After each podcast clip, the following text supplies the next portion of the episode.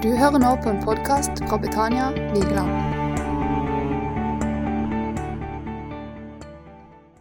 Så bra. Hyggelig å få lov til å være sammen med dere igjen her i Betania på Vigeland. Det har jeg gleda meg til. Og i dag så tenkte jeg skulle snakke litt om Guds ord, rett og slett. Hva er Guds ord for deg? Og det er jo et stort spørsmål. Og jeg er helt sikker på at alle dere her dere har et forhold til Guds ord. Og så kan det sikkert se nokså forskjellig ut. Men jeg tror at det er noe som vi stadig må oppmuntre hverandre på og utfordre hverandre på. Fordi at vi trenger å ha et forhold til Guds ord hver eneste dag. Så det skal jeg si litt om.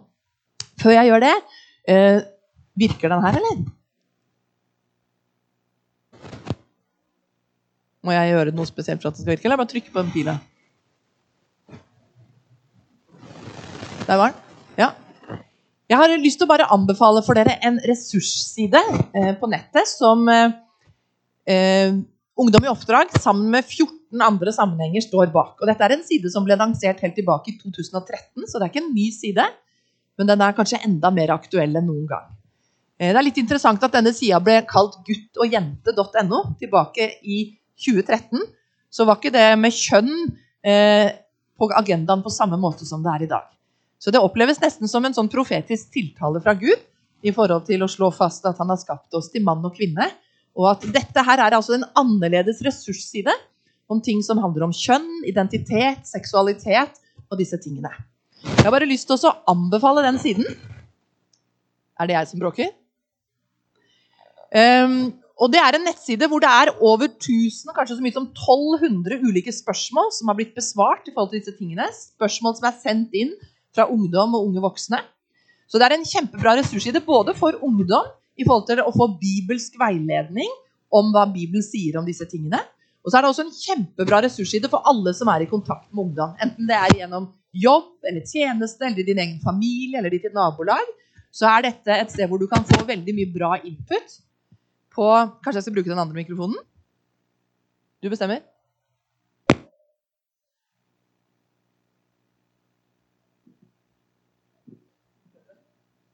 Hallo? Ja.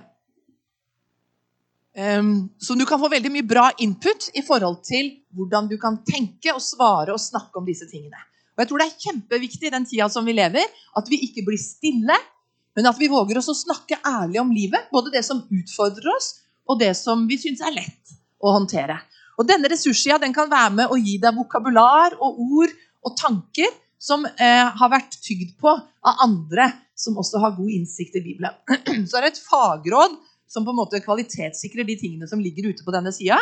Som består bl.a. av Øyvind Benestad, eh, Maren og Sven Veum, Irene Ludvigsen og Espen Ottosen. Det er veldig mye bra folk som er involvert i denne sida. Så er det også en bok eh, som heter 'Gutt og jente', som oppsummerer noen ting om hver av disse hovedtemaene. Og Den boka har jeg med her ute, så går det an å kjøpe.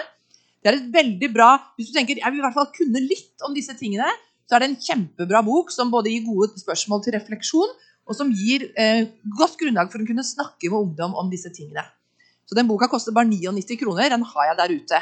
Og Hvis du jobber med ungdom, så går det også an å få et gratis sånn, eh, veiledningsopplegg til å bruke den boka som Damaris har laget. Jeg har bare lyst til å anbefale det. Det er veldig veldig aktuelt i den tida som vi lever i. Um, jeg jobber altså fortsatt i Ungdom i oppdrag i Kristiansand. Jeg har hatt gleden av å være her hos dere flere ganger før. Eh, på Skjærgårdsheimen på Flekkerøya, der hvor jeg jobber, så driver vi med disippeltreningsskoler, eller DTS.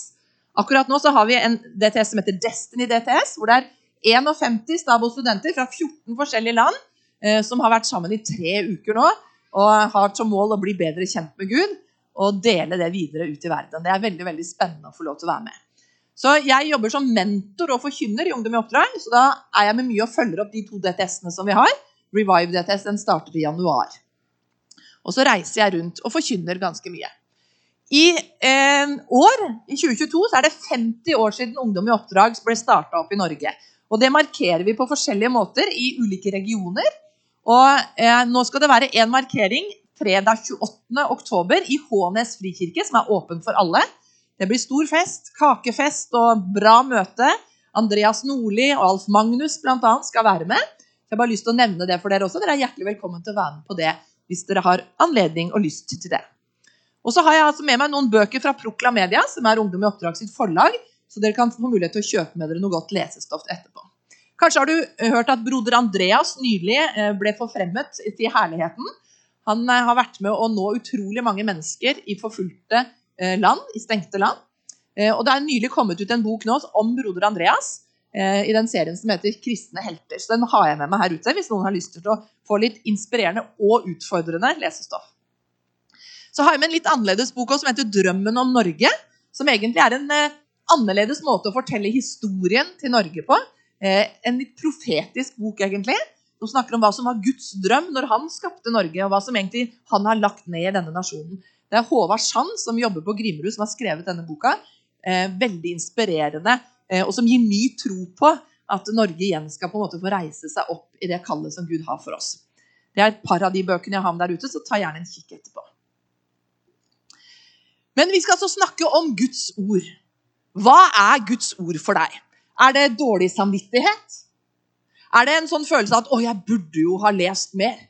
Hvis jeg hadde spurt her i dag, hvem er det som leser nok i Bibelen?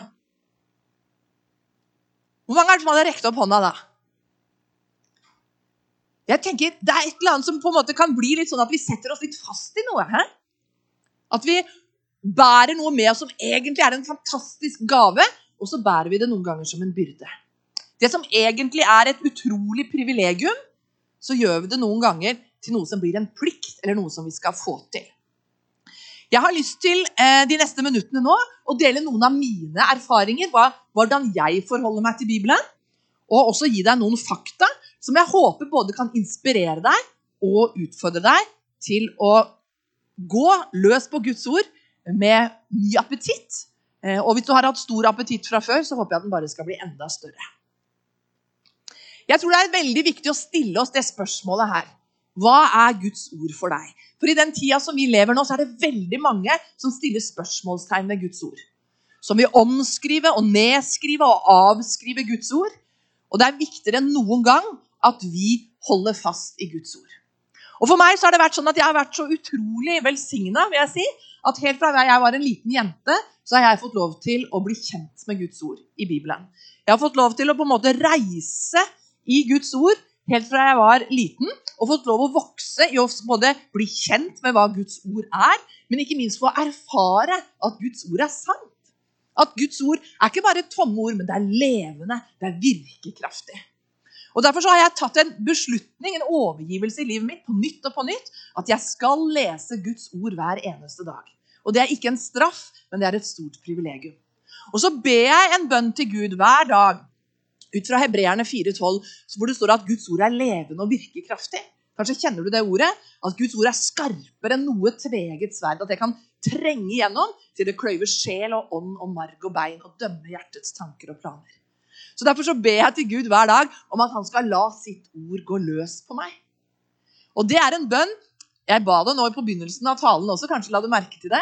Men det er en bønn som jeg tenker er veldig strategisk og lurt å be. Fordi Guds ord er levende, og det å invitere Guds ord aktivt til å virke inn i livet mitt, det forandrer meg. Det forandrer tankene mine, sånn at jeg mer og mer kan tenke sånn som han tenker. Det forandrer blikket mitt, Sånn at jeg mer og mer kan gjenkjenne han og hans sannhet der hvor jeg går og der hvor jeg er. Det også åpner ørene mine og ånden min for å faktisk lytte til han og oppfatte hva han sier. Fordi at han vil aldri si noe som er på tvers av sitt ord. Sånn at jo bedre jeg kjenner hans ord, jo mer jeg fyller meg med hans ord, jo lettere vil jeg også gjenkjenne hva Den hellige ånd sier til meg midt i hverdagen. Så for meg har det vært en utrolig rikdom å få lov til å vokse i Guds ord. Og jeg er utrolig takknemlig til moren og faren min. Fordi at jeg fikk vokse opp i et hjem hvor Bibelen lå framme hele tida. Og det var ikke til pynt. Det var ikke sånn at den ble støvete, men den ble brukt hver eneste dag. Og mamma hadde en rød skinnbibel som var så slitt. Og pappa hadde den svære predikantbibelen sin som han slo opp i hele tiden. Og så brukte han det greske nytestamentet sitt og sjekket grunnteksten. Og jeg hadde privilegiet å lære så mye om Guds ord hjemme. Og Min far han var teolog. Han døde for tre år siden. Og han, han var med, Kanskje jeg har fortalt den historien her til noen av dere før, men han var med å vekke en sånn sult i meg etter å bare kjenne denne boka. For når jeg var sånn seks-sju år gammel, så begynte jeg å skjønne hvor mye pappa kunne i den boka. Hans område var spesielt Det nye testamentet. Og sant, som en liten jente, Jeg var nokså tidlig til å lese, og sånn, men så begynte jeg ble veldig fascinert over hva pappa kunne i den tjukke boka med bare masse ord og ingen bilder. liksom. Og Så begynte jeg å leke noen sånne leker med pappa. At jeg bare slo opp et eller annet sted i Det nye testamentet, og så leste jeg en setning. Og så bare tenkte pappa litt, og så, så sa han ja, nei, det er jo når Paulus skriver til romerne. Det er i kapittel 5, det er vel rundt vers 7. Og så stemte det, vet du. Og jeg ble ekstremt fascinert. Og vi lekte disse, den leken her om igjen og om igjen. Og så sa pappa noe som eh, har markert livet mitt for alltid. Fordi han sa det Du kan bli like godt kjent i den boka der, Marianne. Og så trigga det noe i meg. Kanskje er det fordi jeg har litt konkurranseinstinkt. ikke vet jeg, Men jeg ble sånn Yes! Jeg skal jammen lære meg den boka der. Og så tok jeg et valg da som en seks og et halvt år gammel lita jente og bestemte meg at jeg skal begynne å lese den boka her. Og det begynte jeg med. Å lese systematisk. Og det har jeg aldri slutta med siden. Jeg har lyst til å si det, at Du skal ikke være redd for å utfordre barn til å fylle seg med Guds ord. For at det kan bety mye, mye mer enn det som du kanskje tenker. Og når jeg sto ved dødsleiet til pappa for tre år siden, og jeg fikk lov til å holde han i hånda når han døde, så var det en utrolig sterk opplevelse. Det var en utrolig fred. Og jeg fikk lov til å bare tale velsignelsen utover pappa og si at nå kan du reise, nå kan du gå, vi skal ta vare på mamma. Og så, og så var han død. Og så når vi sto der ved senga etterpå, og, og jeg, før vi skulle forlate rommet, så overga jeg meg på nytt til å videreføre den arven som mamma og pappa har gitt meg.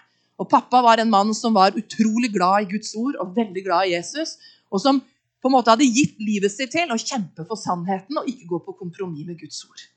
Og så var det en sånn hellig øyeblikk for meg å få lov til å fornye kallet mitt, fornye overgivelsen min til å snakke sant om Guds ord så langt jeg kan se. Både når det er lett, og når det ikke er det. Om det er populært eller upopulært, om det er politisk korrekt eller ikke, så ønsker jeg å løfte en stemme og snakke sant om Guds ord. Og hva er Guds ord? Jo, Guds ord er mitt daglige brød. I Matteus 4,4 så står det mennesket lever ikke bare av brød alene, men av hvert ord som kommer fra Guds munn. Og vi trenger å spise. Vi trenger å spise hver eneste dag. Jeg er sikker på at De aller fleste av dere de har spist frokost før dere kom hit i dag. ikke sant? Og Det er helt nødvendig for å være velfungerende, for at tankene skal funke, for at du ikke skal bli lav på energi og litt grinete og vanskelig å ha med å gjøre. sant? Hvis du lar være å spise over tid, så får du mangelsykdommer. Sant? Du kan rett og slett dø av det. Derfor trenger vi å tenke på det, ikke bare for vårt fysiske liv, vår fysiske kropp, men også for vårt åndelige liv. Så Derfor har jeg lyst til å spørre deg i dag hvordan ser egentlig dietten din ut? Og Da tenker jeg ikke på hva du putter inn i munnen din fysisk, men hvordan ser dietten din ut i forhold til hvordan du fyller deg med Guds ord. Og du vet at Det er kjempefint å komme sammen hver søndag eller når vi har mulighet til det, og samles i menigheten. Men det er jo hverdagskosten som er avgjørende. Det er den som bygger musklene våre åndelig talt. Det er den som gjør at vi blir sterke og sunne eh, og kan stå løpet. Derfor er det viktig at vi fyller oss med Guds ord hver eneste dag. At vi spiser variert, at vi spiser sunt, og at vi ikke bare spiser det samme hele tiden. Sant? Det er herlig å kunne dele ut godteribiler på starten av møtet, men du kan ikke bare spise det hele uka. Sant? Og Noen ganger så tenker jeg sånn lever vi av og til litt med Guds ord. sant? At Vi har sånn, å, vi leser liksom Stefania 3,17 og Johannes 3,16 og Salme 23. Filipperne 4,4 kanskje. Og så har vi noen sånne yndlingsvers som er gode. Og det er ikke noe galt med det. Det er kjempebra. Men vi trenger å spise variert og sunt. Og vi må tenke på mengde og næringsinnhold. Og når jeg spiste frokost i dag, så spiste jeg et rundstykke, og jeg spiste egg. Og det var ikke sånn at det liksom bare å, slo inn som et sånn, helt sånn gastronomisk kick av dimensjoner. og liksom, Hadde aldri smakt noe så godt. Nei, det var greit. Det var fint. Men jeg har jo spist det mange ganger før. Jeg spiser frokost hver dag, stort sett. Men jeg spiser jo likevel. Og jeg tror vi trenger å oppmuntre hverandre på å fortsette å spise. Nå har jeg faktisk blitt 51 år. Ja, Det skulle du ikke tro, He? Nei, takk skal du ha. Eh, og jeg har spist mange ganger. Jeg spiser hver uke, men jeg fortsetter med det allikevel. Og fordi jeg har levd en stund og spist mange ting, så går det nokså lenge mellom hver gang jeg kjenner en smak som jeg aldri har smakt før. Jeg har egentlig smakt mange ting, og jeg har reist en del, så jeg har egentlig smakt ganske mange eksotiske ting også. Men jeg fortsetter allikevel å spise. Og Sånn er det også med Guds ord. Sant? At Selv om vi har spist det mange ganger, selv om vi har hørt det mange ganger, selv om det er sånn at vi kjenner igjen smaken, så slutter vi jo ikke å spise for det. Og så trenger vi å fortsette å fylle oss opp. Og så må vi også våge å utvide repertoaret. Hvis vi ikke har smakt så mye, så må vi ta større porsjoner. Spise mer. Fylle oss opp, sånn at vi kan eh, vokse. I første kongebok 1907 første kongebok 1907 så står det 'Stå opp og spis, ellers blir veien for lang for deg'. Det er kjempeviktig å tenke på hva vi spiser, og også sette opp en meny. I Esekiel 3, i Esekiel 3 vers 1-4 så sier Gud til Esekiel, 'Menneske, spis det du finner. Spis denne rullen.' Han viste han skriftene. Og gå så og tal til Israels hus. Da åpnet jeg munnen, og han lot meg spise rullen. Han sa, 'Menneske, mett din mage og fyll dine innvoller med denne rullen som jeg gir deg.' Og da spiste jeg den, og den smakte søtt som honning. Og så sa han til meg, 'Menneske, gå nå til Israels hus og tal mine ord til dem.' Hvis vi skal ha noe å komme med i den tida som vi lever i, så er det utrolig viktig at vi spiser godt, at vi spiser sunt, at vi spiser variert og rikelig, sånn at vi kan bli sterke. Vi blir sterke inni oss når vi fyller oss med Guds ord, for Guds ord er sannhet, og Guds ord skaper det det sier. Så hvordan leser jeg Bibelen? Jeg leser Bibelen på mange forskjellige måter. Og Jeg har lyst til å bare gi deg de fem tipsene her, fordi det handler litt om å bruke ulike eh, ressurser, ulike metoder, for å ta til oss av Guds ord. Og Dette er fem ting, akkurat som hånda di. For det første så tror jeg det er bra å lese Guds ord, altså fylle oss med Guds ord.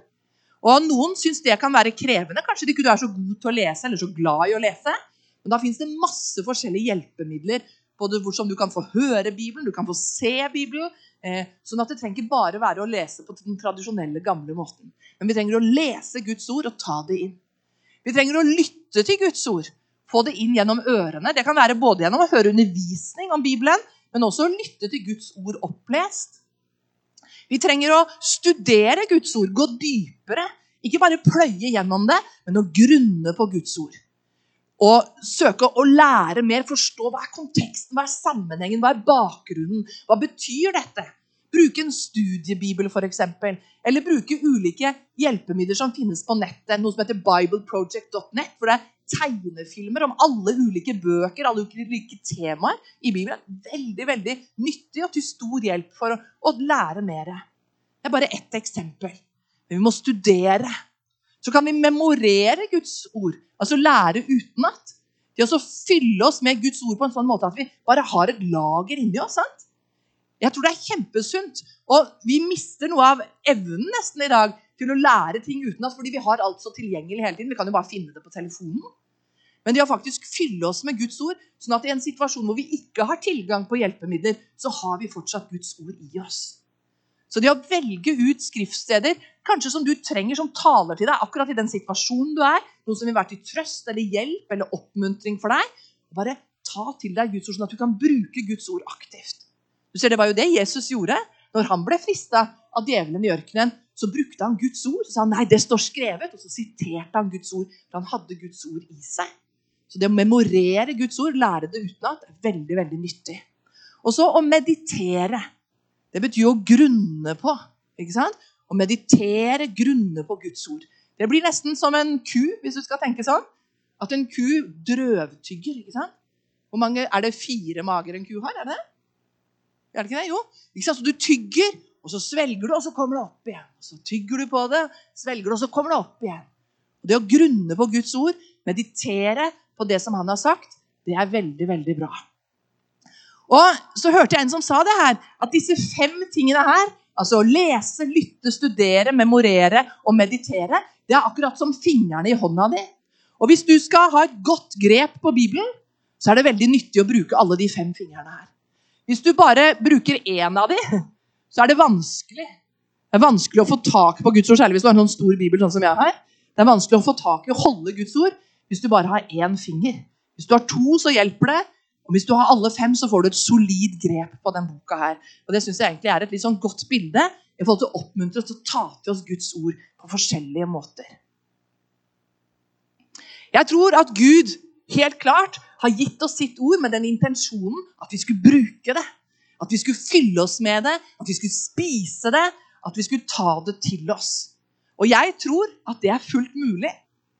Jeg vet at Noen kan bli litt overvelda av den boka. her. Den er svær, den er veldig omfangsrik, den inneholder mye.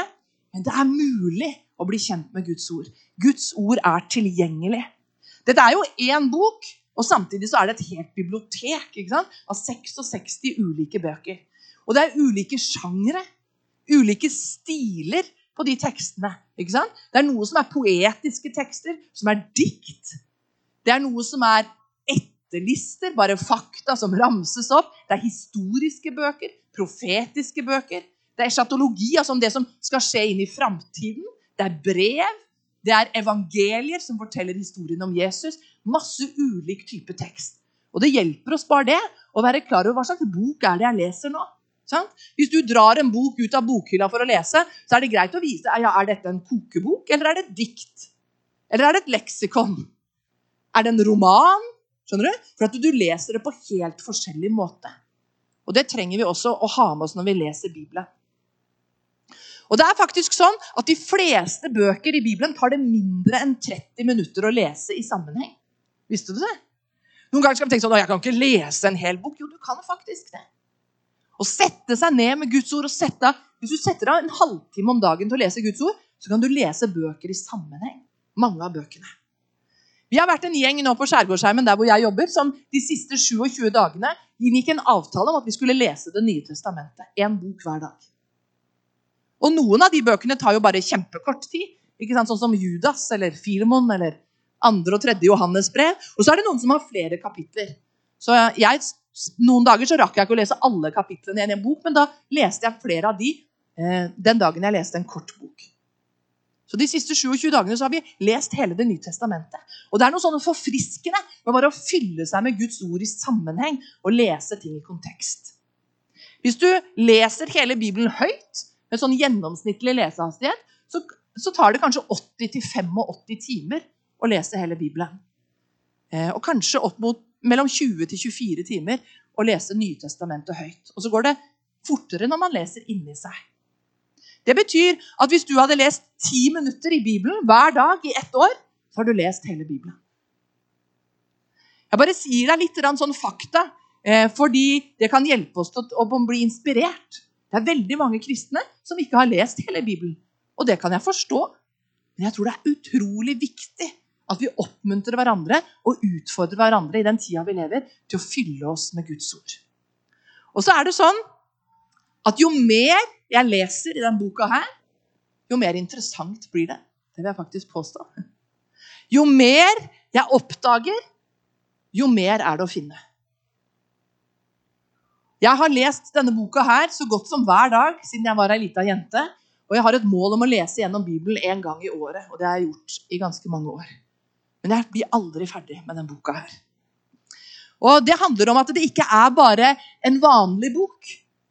I 5. Mosebok 32,47 så står det For dette er ikke tomme ord, men selve livet for dere. Ved disse ordene skal dere leve lenge i det landet dere skal innta. Så for meg så er det sånn at Bibelen er en, en, en kilde. En kilde av liv, en kilde av visdom. Og det er en, en levende kilde. Som forfrisker, som forvandler, som styrker, som renser, som utfordrer.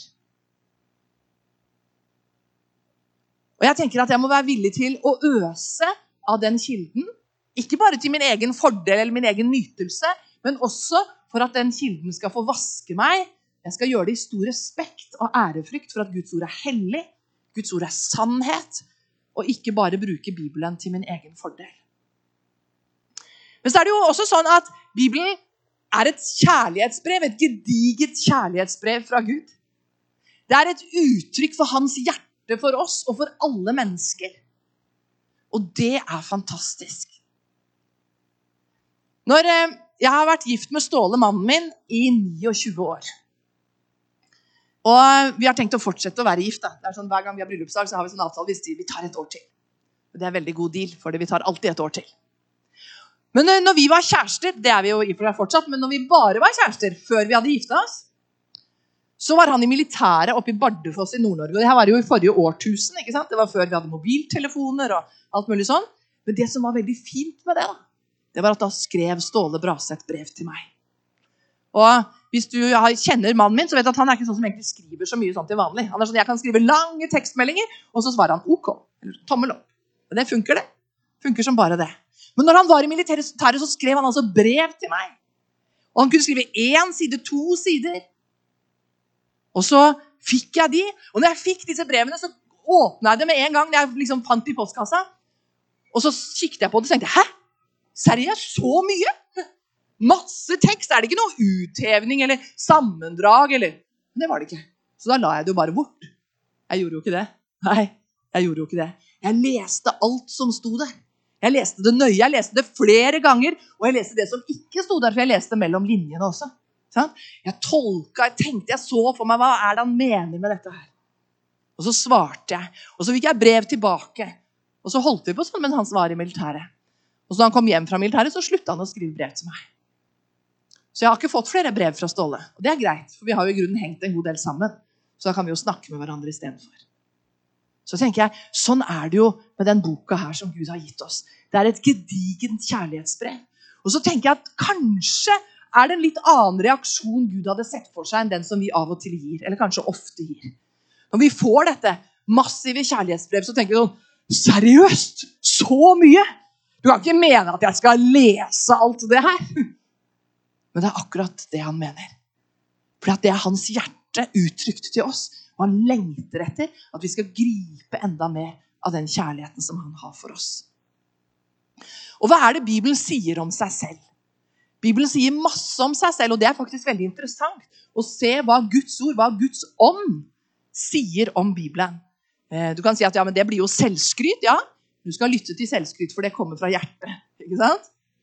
Så hvis vi leser f.eks. i Salme 19 Jeg har bare lyst til å lese noen vers som står der om hva Guds ord er. Bare hør på det her. I Salme 19 fra vers 8 til 12 så står det sånn her. Herrens lov er fullkommen. Den fornyer livet. Herrens vitnesbyrd står fast. Det gir den uvitende visdom. Herrens påbud er rette. De gjør hjertet glad. Herrens bud er klart. Det gir øynene lys. Frykten for Herren er ren, den varer til evig tid. Herrens dommer er sanne. Rettferdige er de alle. De er mer verdt enn gull, skinnende gull i mengder. De er søtere enn honning, ny og rennende honning. Gjennom dem blir din tjener advart, og det gir stor lønn å holde dem. Er det ikke nydelig? Så Guds ord er en enorm rikdom. Til visdom, oppdragelse, beskyttelse. Den vil gi oss liv. Den vil gi oss åpne øyne. Den vil gi oss alt det som vi trenger.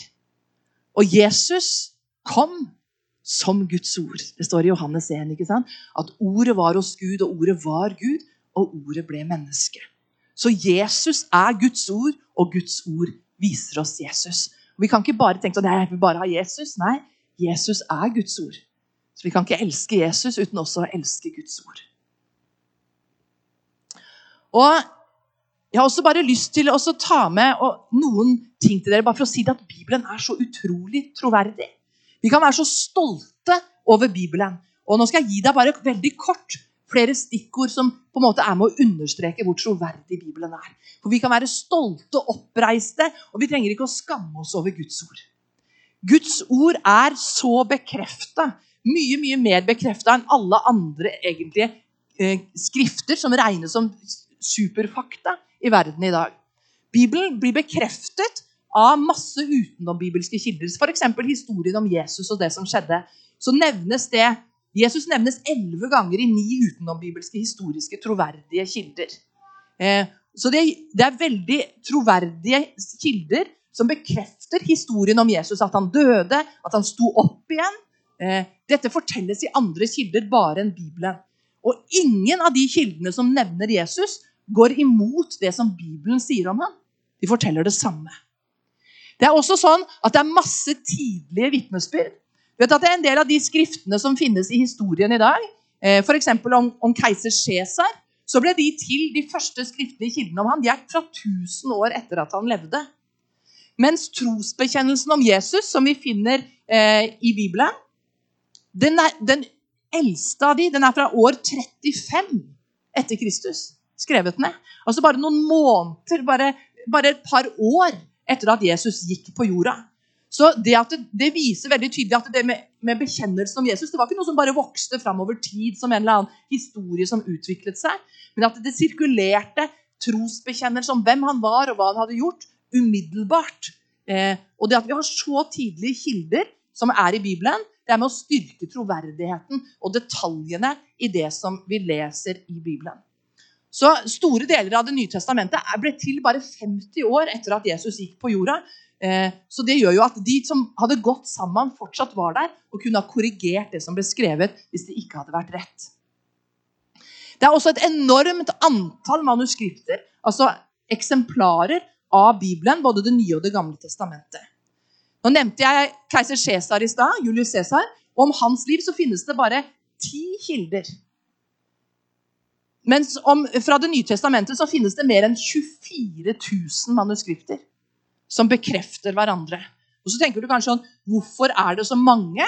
Jo, det var jo fordi de skrev jo ting på, enten på pergament, altså på skinn, eller på papyrus. Og så hadde de jo ikke sånn at de kunne trykke det opp, men de skrev jo nye. De kopierte for hånd. Og papyrus det ble ødelagt og råtna etter hvert. Så derfor måtte man jo stadig skrive nye. Og det, Siden det ble skrevet for hånd, så kunne det jo også føre til noen feil. Men det er fantastisk hvor korrekt, hvor nøyaktig det er. Og av de forskjellene som finnes, så er så mye som kanskje opp mot 85% av de tingene det er bare en liten skrivefeil.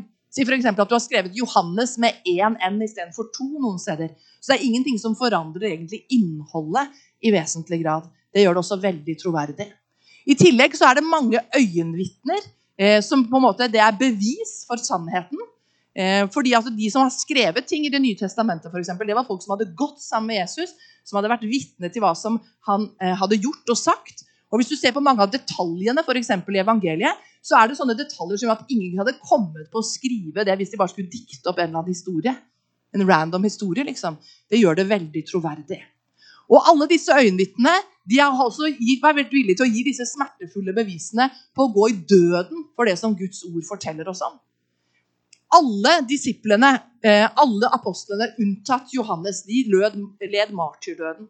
Hadde de vært villige til å bli drept for sin tro hvis de, egentlig, hvis de visste at det her er bare oppspinn? Skjønner du hvordan det styrker troverdigheten til Guds ord og det som står der?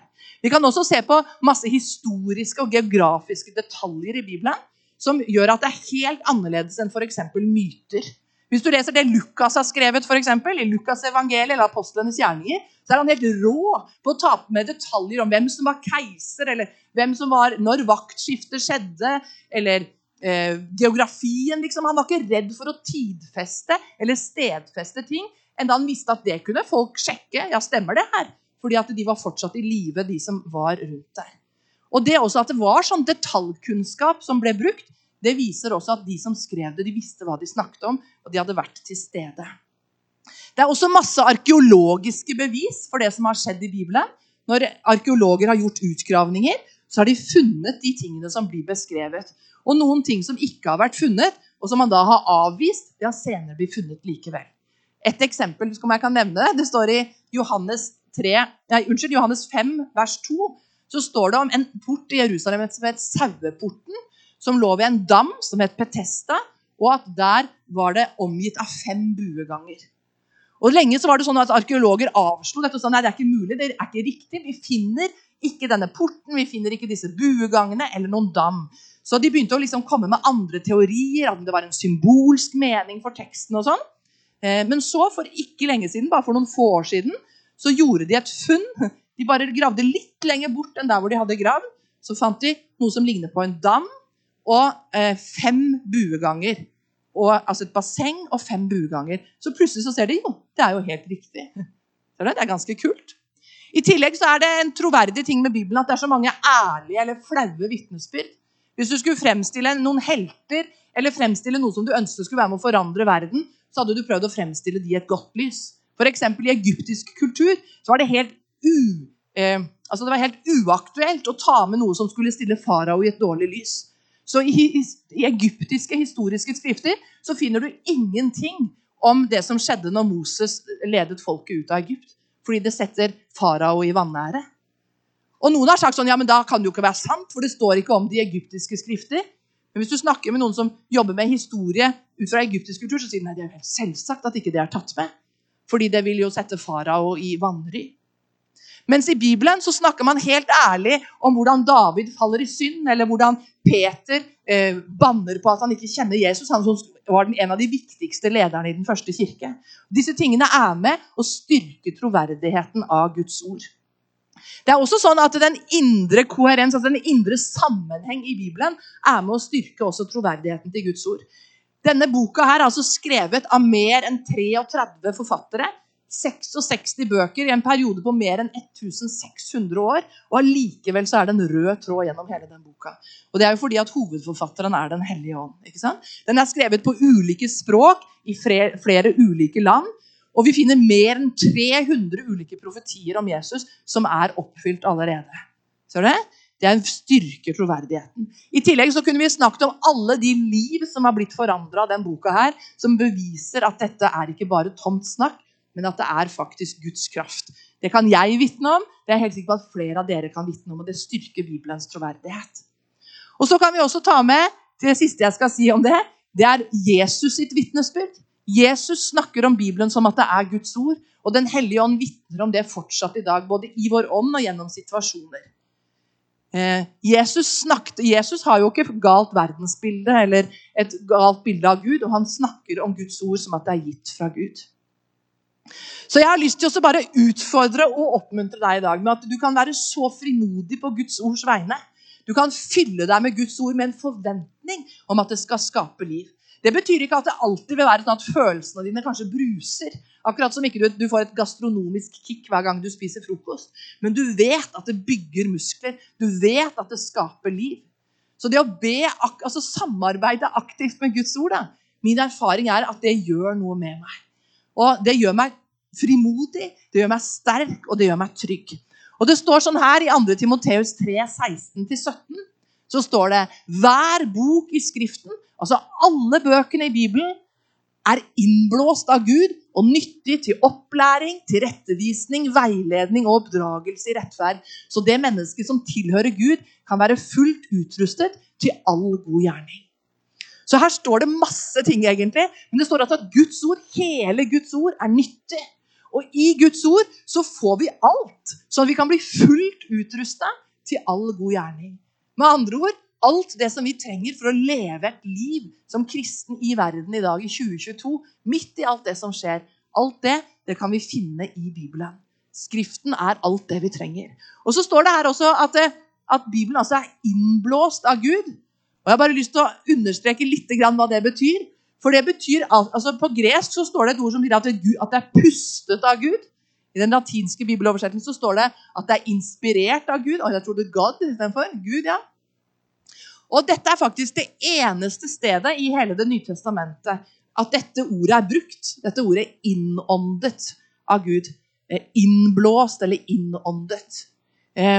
Og da er det sånn at Vi gjerne vi ser etter hvor er ord brukt flere steder for å, for å forstå det bedre.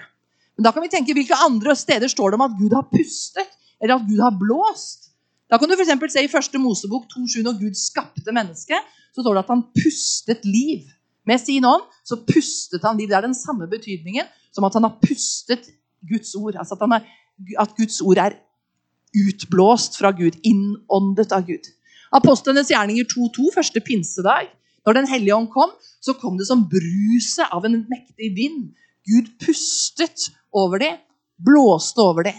I Salme 33, 33,6 så står det om hvordan Gud har skapt alle ting. Hele himmelens hær ved pusten fra hans munn. Så når Gud puster, når Gud blåser, så skapes det liv.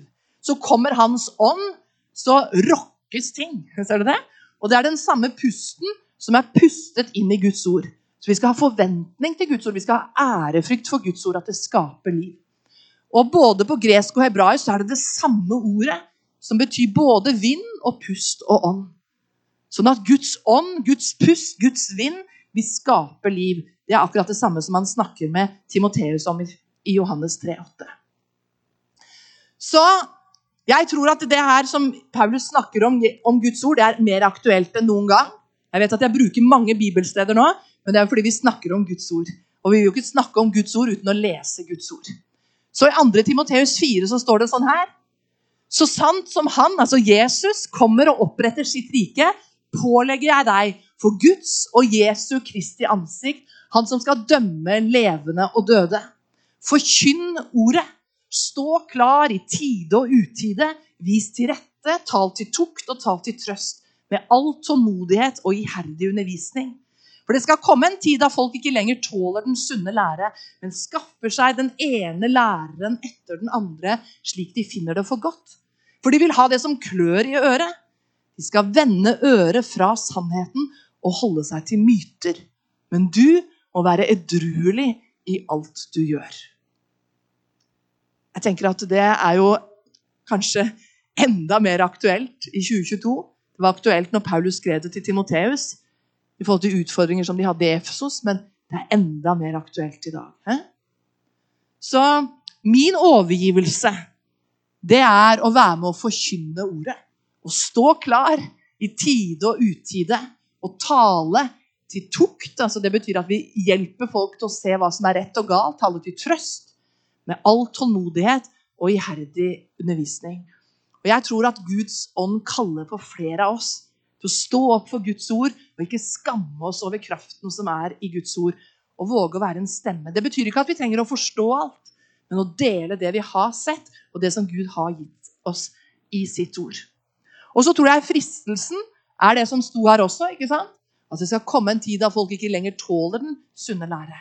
Fristelsen etter å skaffe seg den ene læreren etter den andre, sånn som vi finner det for godt, fordi vi ønsker å ha det som klør i øret. Og Det tror jeg er fristelsen både for deg og for meg i den tida som vi lever. Og Derfor er det så viktig at vi oppmuntrer hverandre til å holde fast på Guds ord og la Guds ord få være Guds ord sånn som det er. Og når Jesus irettesatte fariseerne fordi de farte vill, så sa han det i Matteus 22, 29. Dere farer vill fordi dere ikke kjenner Skriftene og heller ikke Guds makt. Så vi trenger å både kjenne Guds ord og la Guds makt, altså Guds ånd, hans kraft, få ta tak i det. For Guds ord, eh, Guds rike, består ikke bare i ord, men i kraft. Og å invitere Den hellige ånd til å overbevise oss om Hans ord og åpenbare Hans ord for oss. Når jeg leser Bibelen, så pleier jeg å si, 'Hellige ånd, vis meg hva jeg leser'.